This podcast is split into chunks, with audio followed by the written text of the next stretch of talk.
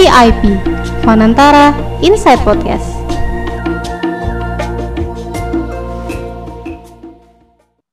Halo VIPers, welcome back to our Fanantara Inside Podcast dengan aku di sini Jessica yang akan memandu program dua mingguan kita hari ini. Apalagi kalau bukan VIP yang selalu kalian tunggu-tunggu nih. Sebelum mulai, aku mau sapa VIPers di rumah. Apa kabar kalian para pendengar setiap VIP? Mengingat angka COVID yang lagi naik sekarang ini, jangan lupa ya untuk terus memakai masker dan menjaga imun tubuh dengan baik. Dalam situasi PPKM ini, kita harus sabar dan jangan ke mana-mana dulu ya kalau kurang penting. Dan untuk VIPer yang sedang menjalani isolasi mandiri, semoga segera pulih. Hari ini kita akan menghadirkan episode VIP yang sekarang sudah memasuki episode keempat satu loh. Dan hari ini aku akan ditemani oleh Liana. Halo Liana, apa kabar? Hai Jessica, kabarku baik hari ini dan senang sekali bisa berjumpa kembali dengan sahabat VIPers di sesi episode kita yang ke-41 ini. Aku dan VIPers udah gak sabar banget nih dengerin topik kita hari ini. Dengar-dengar episode hari ini tuh berbeda dari episode-episode sebelumnya karena baru pertama kali ini kita dapat dua narasumber. Ya, bener banget nih tapi sebelum itu, aku mau bocorin dikit dulu nih tentang tema podcast VIP hari ini. Ini ada hubungannya dengan salah satu masalah lingkungan terbesar di Indonesia saat ini. Coba Li, kira-kira apa? Hmm, masalah polusi di Indonesia bukan? Atau masalah sampah di Indonesia? Yap, yang kamu bilang tadi benar, Li. Pasti teman-teman di rumah juga udah bisa nebak tema hari ini, yaitu limbah domestik permasalahan utama di Indonesia, di mana kita akan berdiskusi tentang cara yang bisa kita lakukan bersama untuk menghadapi permasalahan di Indonesia dengan isu limbah domestik, khususnya di pandemi ini. Wah, menarik banget ya tema kita hari ini. Aku udah gak sabar nih. Ya dong. Yuk, tanpa lama-lama, langsung aja kita say hello ke Kak Samira dan Kak Ruhani sebagai kedua narasumber kita hari ini. Halo Kak Samira dan Kak Ruhani, gimana nih kabarnya? Halo Jessica, Liana, dan VIP semua. Saya Rohani Witido bersama Samira selaku founders dari The Antia Project. Halo semua, saya Samira. Hari ini kita semangat nih buat sharing dengan VIP semua. Nah, aku mau kenalin dulu nih, Kak Samira aja dan Kak Ruhani Yudo ini adalah founders dari The Antia Project, gerakan yang bertujuan untuk meningkatkan kesadaran masyarakat tentang situasi lingkungan global dan mendorong gaya hidup sustainable living. The Antia Project ini juga baru meluncurkan majalah digital pertama mereka loh. Nah, teman-teman, majalah ini merupakan majalah lingkungan pertama di Indonesia yang dipimpin oleh anak-anak muda. Wah, keren banget tuh. Dan edisi pertama mereka ini temanya adalah sampah di Indonesia yang gak jauh beda-beda dari tema kita hari ini. Nanti buat tahu lebih lanjut, kita langsung tanya-tanya aja deh sama mereka. Oh iya, sebelumnya Kak Samira dan Kak Ruhani, kalau boleh tahu, kalian sekarang nih kesibukannya ngapain aja sih? Apakah The Antia Project berencana meluncurkan edisi kedua dari majalah ini dalam waktu beberapa bulan ke depan? Dan apakah ada proyek lain yang lagi dipikirin sekarang nih? Um, kalau untuk akhir-akhir ini sih, kami sibuk dengan restructuring dan rebranding dari Antea. Oh iya, kami juga baru aja keluarin logo baru Antea di Instagram kami at the Antea project. So make sure to check that out. Jadi ada banyak hal yang kami benahi secara inter internal untuk menciptakan work experience yang lebih baik bagi members kami.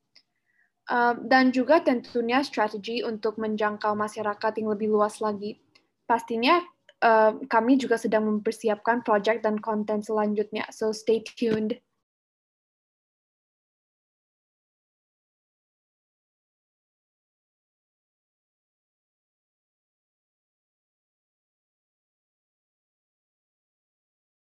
Ya, jadi begitu uh, VIPers di Antea Project ini ada nih edisi kedua dari majalah, tapi belum tahu nih ke keluarnya kapan. Jadi stay tune ya ke Instagram page mereka untuk tahu kapan edisi kedua akan keluar, gitu.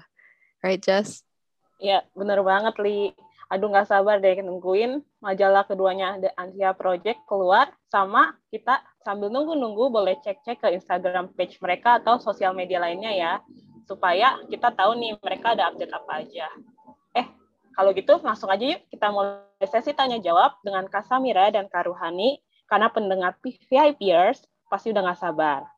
Pertanyaan pertama untuk Kak Samira dan Kak Ruhani. Apa aja sih visi misi dan tujuan dari gerakan ini tuh apa? Dan kenapa sih kalian memilih majalah sebagai media penyaluran ide-ide kalian nih? Silakan. Um, jadi The Antea Project adalah organisasi yang bertujuan to integrate sustainability dalam model bisnis lokal dan kehidupan sehari-hari masyarakat.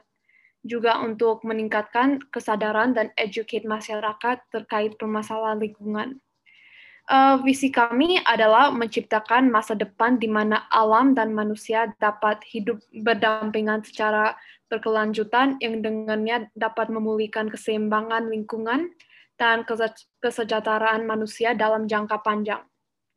Um, sementara itu misi kami yaitu menyediakan informasi yang diperlukan untuk untuk integrate keberlanjutan dalam gaya hidup setiap individual dan berperan sebagai platform yang menciptakan perubahan. Lalu kami memilih majalah sebagai media karena menurut kami majalah dapat reach audience yang lebih besar lagi, mudah untuk diakses dan dapat memuat banyak informasi juga. Oh gitu ya. Jadi uh, mau tanya dong, kenapa sih kalian milih majalah online atau Instagram? Apakah Antea Project punya uh, audience, target audience yang spesifik atau gimana?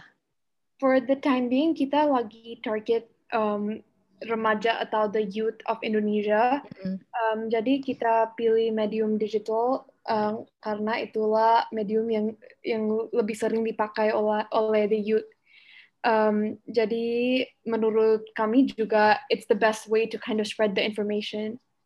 Okay, jadi um, why did you guys choose uh, untuk mendirikan sebuah organisasi yang isunya bergerak di bidang lingkungan, especially for the youth? Dan apa sih yang memotivasi kalian um, to create this organization?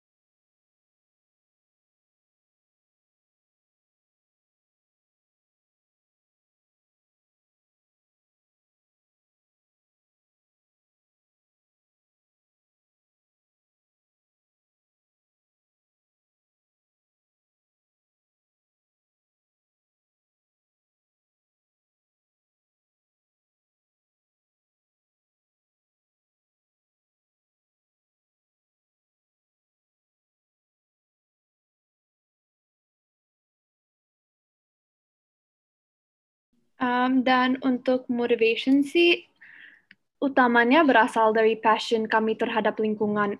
Kesadaran kami akan banyaknya pollution yang terjadi di lingkungan sekitar. Mm-hmm. Dan rasa berhak kami untuk voice the problem juga turut mendasari motivasi kami. Tapi kembali lagi, apa suara dari kami, dua orang remaja aja, cukup untuk membuat perubahan pastinya dibutuhkan suatu gerakan kolektif.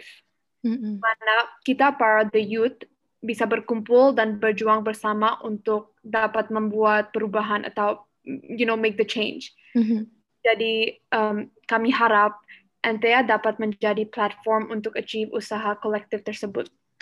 Oke, okay, jadi uh, tadi uh, ada sedikit soal pandangan kalian or your view about uh, isu-isu lingkungan di Indonesia ya. So would you like, uh, apakah mau uh, elaborasi apa sih uh, opini kalian uh, jika melihat isu-isu lingkungan di Indonesia, menurut kalian apakah sudah ditanggapi yang benar atau masih lacking? Apakah masih bisa diperbaiki? Um, Jadi uh, secara lingkungan ada banyak isu-isu di Indonesia mm-hmm. yang masih belum ditangani. Mm-hmm. Um, tapi yang paling um, yang paling utama sih adalah isu um, limbah. Mm-hmm. Ya itu udah mulai ditangani oleh uh, pemerintah secara bikin hukuman um, like uh, no single use plastic yang baru yang baru aja di um, implement mungkin setahun lalu walaupun udah ada hukuman um, hukuman hukuman lain masih ada banyak change that needs to be done you know masih mm -hmm. ada banyak work in the environmental field um, seperti isu-isu tentang overfishing or uh, deforestation, um, isu-isu itu masih belum ditangani secara baik. Menurut saya uh, di Indonesia sih memang because it's a developing country kita memang punya um, a few things that masih harus di um, atasi. Cuman kalau um, di sisi lingkungan. Uh, as we can see, limbah sih salah satu uh, masalah besar ya yang kita hadapi sehari-hari. Kalau untuk uh, mengolah limbah juga itu susah karena uh, di Indonesia kita juga belum punya a, a good waste management system ya.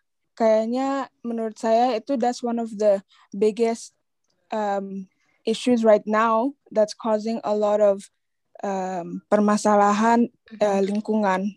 Karena akibatnya di uh, masa depan bisa contribute to a greater impact kalau nggak diatasi segera. As well as if there's climate change uh-huh. you know it also impacts greatly as well Yes, pemerintah sudah membuat regulasi, namun terasa belum maksimal ya. Sepertinya perubahan iklim itu salah satu faktor untuk uh, isu lingkungan di Indonesia juga ya, yang membuat isu lingkungan itu penting banget untuk Indonesia menganggapi. Nah, kenapa sih sampah di Indonesia uh, merupakan tema pertama yang dipilih oleh kalian untuk majalah ini? Mungkin tadi udah uh, you guys touched on why uh, waste in Indonesia was your first theme that you chose for your magazine because it is the most prominent mm-hmm. um, environmental issue. Tapi menurut kalian, apakah masalah sampah di Indonesia ini sangat buruk? Um, Oke, okay, tema waste di Indonesia itu kami pilih sebenarnya mm-hmm. um, karena kesadaran kami bahwa sampah merupakan salah satu masalah terbesar di Indonesia. Mm-hmm. Um, dan Indonesia itu sendiri merupakan salah satu penyumbang sampah terbesar di dunia. Jadi bisa dibilang sih permasalahan sampah ini menyangkut dan relate dengan kita semua pada level personal. You know, iya, benar. orang pastinya bisa memproduksi sampah, nggak cuma korporasi doang. Iya benar. Walaupun they generate the most, kita mm -hmm. sebagai individual juga pasti memproduksi sampah dari aktivitas kita. Tadi kita udah denger nih dari Kak Samira dan Kak Ruhani yang udah ngomongin permasalahan sampah di Indonesia dan kenapa sih itu menjadi concern dari The Antia Project. Nah Kak Samira dan Kak Ruhani nih, tadi kalian udah singgung sedikit tentang waste yang dari perorangan atau individual ya.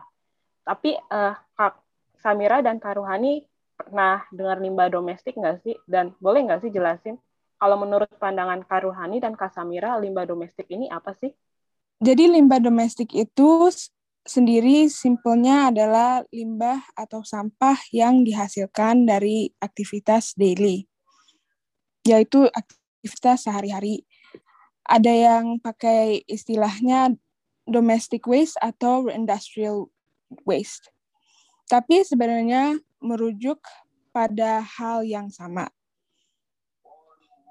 VIPers mungkin udah bisa langsung input sendiri nih contoh-contoh dari limbah domestik yang seperti sampah plastik, sisa makan, kaleng, atau botol minuman, pakaian, karton, dan koran merupakan bentuk-bentuknya. Uh, dengan majalah ini, um, kami ber berusaha explain gimana sih caranya mengurangi limbah atau gimana sih caranya memanfaatkan waste yang ada untuk diolah menjadi sesuatu yang berguna. Misalnya, untuk permasalahan plastik, dapat kita counter dengan menggunakan kantong belanja yang reusable ataupun menggunakan kembali produk-produk plastik yang sudah tidak terpakai lagi. Kemudian, contoh lain yaitu sisa makanan. Sebenar, sebenarnya kan bisa diolah lagi.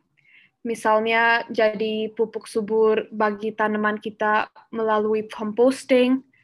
Sayang banget kalau dibuang aja, jadi bisa dipakai untuk compost banyak hal-hal simple yang sebenarnya kita bisa lakukan, terutama teenagers, untuk memberikan positive impact bagi lingkungan. Inilah sebenarnya yang kami ingin achieve, sesuai dengan misi Antea, yaitu menyediakan information yang diperlukan bagi masyarakat untuk mencapai sustainable lifestyle. Menurut kami juga, generasi muda saat ini mulai men menunjukkan kepedulian terhadap isu lingkungan.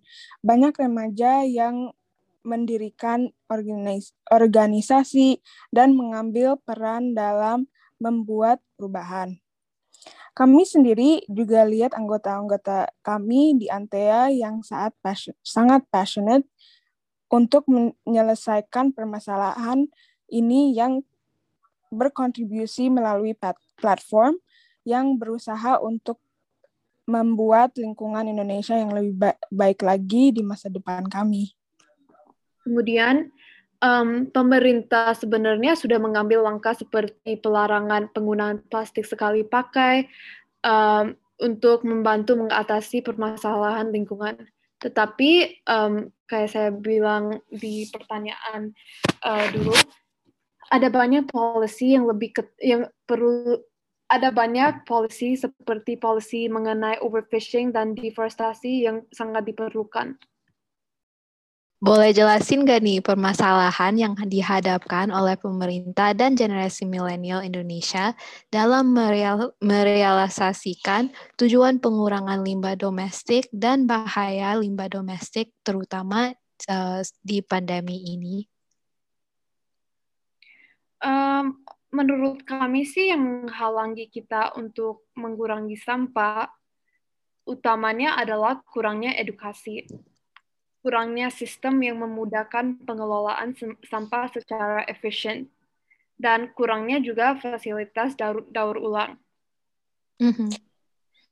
Ketidakpedulian masyarakat serta mengurangnya ke ketegasan dalam enforcement atau hukum sistem terkait pembuangan sampah juga menjadi permasalahan. Jadi menurut Kak Ruhani dan Kak Samira ini yang masih menjadi permasalahan untuk mengatasi masalah lingkungan di Indonesia itu kurangnya dukungan atau enforcement dari pemerintah ya, betul? Nah, sekarang aku mau tanya nih, apa yang selama ini Kak Samira dan Kak Ruhani rasakan selama berkecimpung dalam gerakan The Antia Project. Apakah selaku para founder nih, kan nggak mudah untuk menjalani tanggung jawab dan komitmen kalian, terutama di masa pandemik yang saat ini semua harus dirumahkan, tapi tetap harus menyuarakan aksi lingkungan ke publik. Bisa nggak sih share ke kita nih, apa yang menjadi tantangan terberat dalam menjalani peran dalam melakukan gerakan di The Antia Project? Kalian juga boleh dong kita di sini dikasih insight berupa pesan yang menginspirasi dari Kasamira dan Ruhani supaya mampu menghadapi tantangan yang mirip dengan kondisi yang kalian jalani saat ini. Oke, jadi sebagai pendiri dari Antea, tentunya kami juga merasakan sedikit tekanan di mana kami harus menjamin bahwa setiap tindakan atau atau langkah yang kami ambil itu sustainable. Kayaknya tadi kita belum bahas the definition of sustainability. Um, di bahasa Indonesia, sustainability um, artinya um, gerak-gerakan yang berke, berkelanjutan. Berkelanjutan adalah sebuah journey tentunya melalui proses dan dimulai dari langkah-langkah kecil. Jadi kami nggak bisa bilang bahwa kami adalah teladan atau contoh sempurna dari sustainable individuals, namun kami dapat menjadi contoh yang baik bagi mereka yang mencoba untuk berubah ke arah yang lebih baik dan menerapkan gaya hidup berkelanjutan ke dalam hidup mereka. So, komitmen dan tanggung jawab for making a change, pastinya kami juga merasakan itu, terutama di masa pandemi, di mana banyak kerusakan lingkungan yang terjadi akibat peningkatan, peningkatan sampah yang diproduksi. Food delivery sendiri kayaknya sekarang udah mencapai a different level. Hampir rata-rata orang pernah atau sering pesan makanan online. Yep. Sama halnya juga dengan online shopping. Jadi sebenar sebenarnya banyak hal to consider sih di era ini bagi kita untuk membuat perubahan. Sehingga menurut kami, you just have to find the middle ground. Jadi yang kami lakukan adalah menginformasikan pada orang-orang alternatif yang bisa mereka terapkan di kehidupan sehari-hari mereka. Bisa dibilang kita gak radikal dalam pendekat, pendekatan untuk memperjuangkan lingkungan, tapi lebih peaceful dengan memberikan opsi-opsi pada masyarakat untuk bisa hidup lebih berkelanjutan. Jadi uh, karena dalam saat pandemi ini kan pola hidup kita juga ganti-ganti. Kita lebih banyak makan dari luar, lebih online shopping. Uh, menurut Kak Samira dan Kak Ruhani, uh, apa sih yang saran dan langkah yang tepat bagi generasi muda untuk mendukung upaya pengurangan limbah domestik melalui hal-hal kecil ini yang tadi um, Kak Samira mention, yang uh, apa tips and tricks yang kita bisa aplikasikan kepada hidup kita? Kalau untuk tips sih mungkin ada beberapa ada beberapa ya. Mm -hmm. um, yang pertama dan paling utama itu educate yourself. Mm -hmm. um, dan yang kedua gunakan barang-barang alternatif seperti botol minuman dan kotak makanan yang dapat digunakan uh, kembali. So reusable ya. Dan ketiganya uh, purchase wisely. Atau belilah barang atau belilah barang secara bijak secara bijak. Jangan beli apa yang kita nggak perluin. Thrifting juga populer banget akhir-akhir ini. Oh ya malah ada beberapa tips lagi yang bisa VIPers lihat di majalah kita? Di majalah kita misalnya gimana cara menggunakan kembali sisa makanan atau masker wajah dan uh, resep makanan juga. Nah, gitu VIPers. Jadi, um, ternyata nih ada tips and tricks yang kalian bisa uh, melihat di majalah edisi pertama punya Antea Project. Kalau boleh tahu nih, uh, di mana sih kita bisa uh, melihat uh, majalah ini dan apa sih social media uh, The Anthea Project agar uh, VIPers kita bisa uh, mengunjungi? Uh, nah, bagi VIPers yang penasaran atau ingin tahu lebih lanjut mengenai The Anthea Project, please check out our Instagram at The Anthea Project atau website kami di www.theantheaproject.com. Kita um, juga ada Spotify bagi kalian yang mau dengerin podcast menarik seputar lingkungan, uh, The Perspective by the Antea Project. Nah, begitu VIPers bisa langsung check out on Instagram dan Spotify juga ya. Ya, keren banget ya The Antea Project. Banyak banget sumber-sumber yang kalian bisa akses untuk tahu lebih banyak tentang sustainable living Apalagi tadi itu ada tips and trick keren banget dari Kak Samira dan Kak Ruhani untuk menggunakan produk-produk reusable. Nah, terima kasih banyak ya Kak Samira dan Kak Ruhani atas waktunya buat sharing pengalaman dan pengetahuan terkait gerakan The Antia Project ini, serta salah satu permasalahan terbesar di Indonesia yaitu limbah domestik. Nah, itu dia perjumpaan kita dengan Kak Samira dan Kak Ruhani selaku para founders dari The Antia Project banyak hal baru nih yang udah kita pelajari hari ini terkait permasalahan limbah domestik serta faktor dan bahayanya bagi lingkungan. Terus tadi kita juga dapat tips and trick yang menarik banget buat generasi muda tentunya supaya bisa mendukung upaya pengurangan limbah domestik. Yuk optimis yuk Indonesia pasti bisa. Kamu optimis sekali kalau masyarakat Indonesia bisa perlahan-lahan mengurangi produksi limbah domestiknya. Optimis dong, secara Indonesia punya potensi luar biasa dari anak-anak mudanya yang semangat banget mendukung dan mendorong upaya pengurangan pengurangan limbah kayak Kasamira dan Karuhani. So thank you so much for your time today guys. Terima kasih banyak atas ilmunya yang kalian telah share dengan VIPers kita hari ini. Nah, buat VIPers, jangan lupa ya, Panantara Insight Podcast bakal hadir di setiap hari Rabu. Jadi siap-siap dengerin obrolan kita soal lingkungan dan hutan. Karena menjaga lingkungan dan hutan bukan hanya tugas pemerintah ataupun petugas yang berwajib, tapi juga tugas dari kita semua manusia dan individu yang hidup di bumi ini. Kalau gitu, mungkin sampai di sini dulu ya episode VIP hari ini. Kalau ada kritik dan saran, kalian bisa kirim ke DM Instagram kita at panantara underscore com ya. Sampai jumpa. Sampai jumpa. Thank you, Rani and Samira. Terima kasih banyak.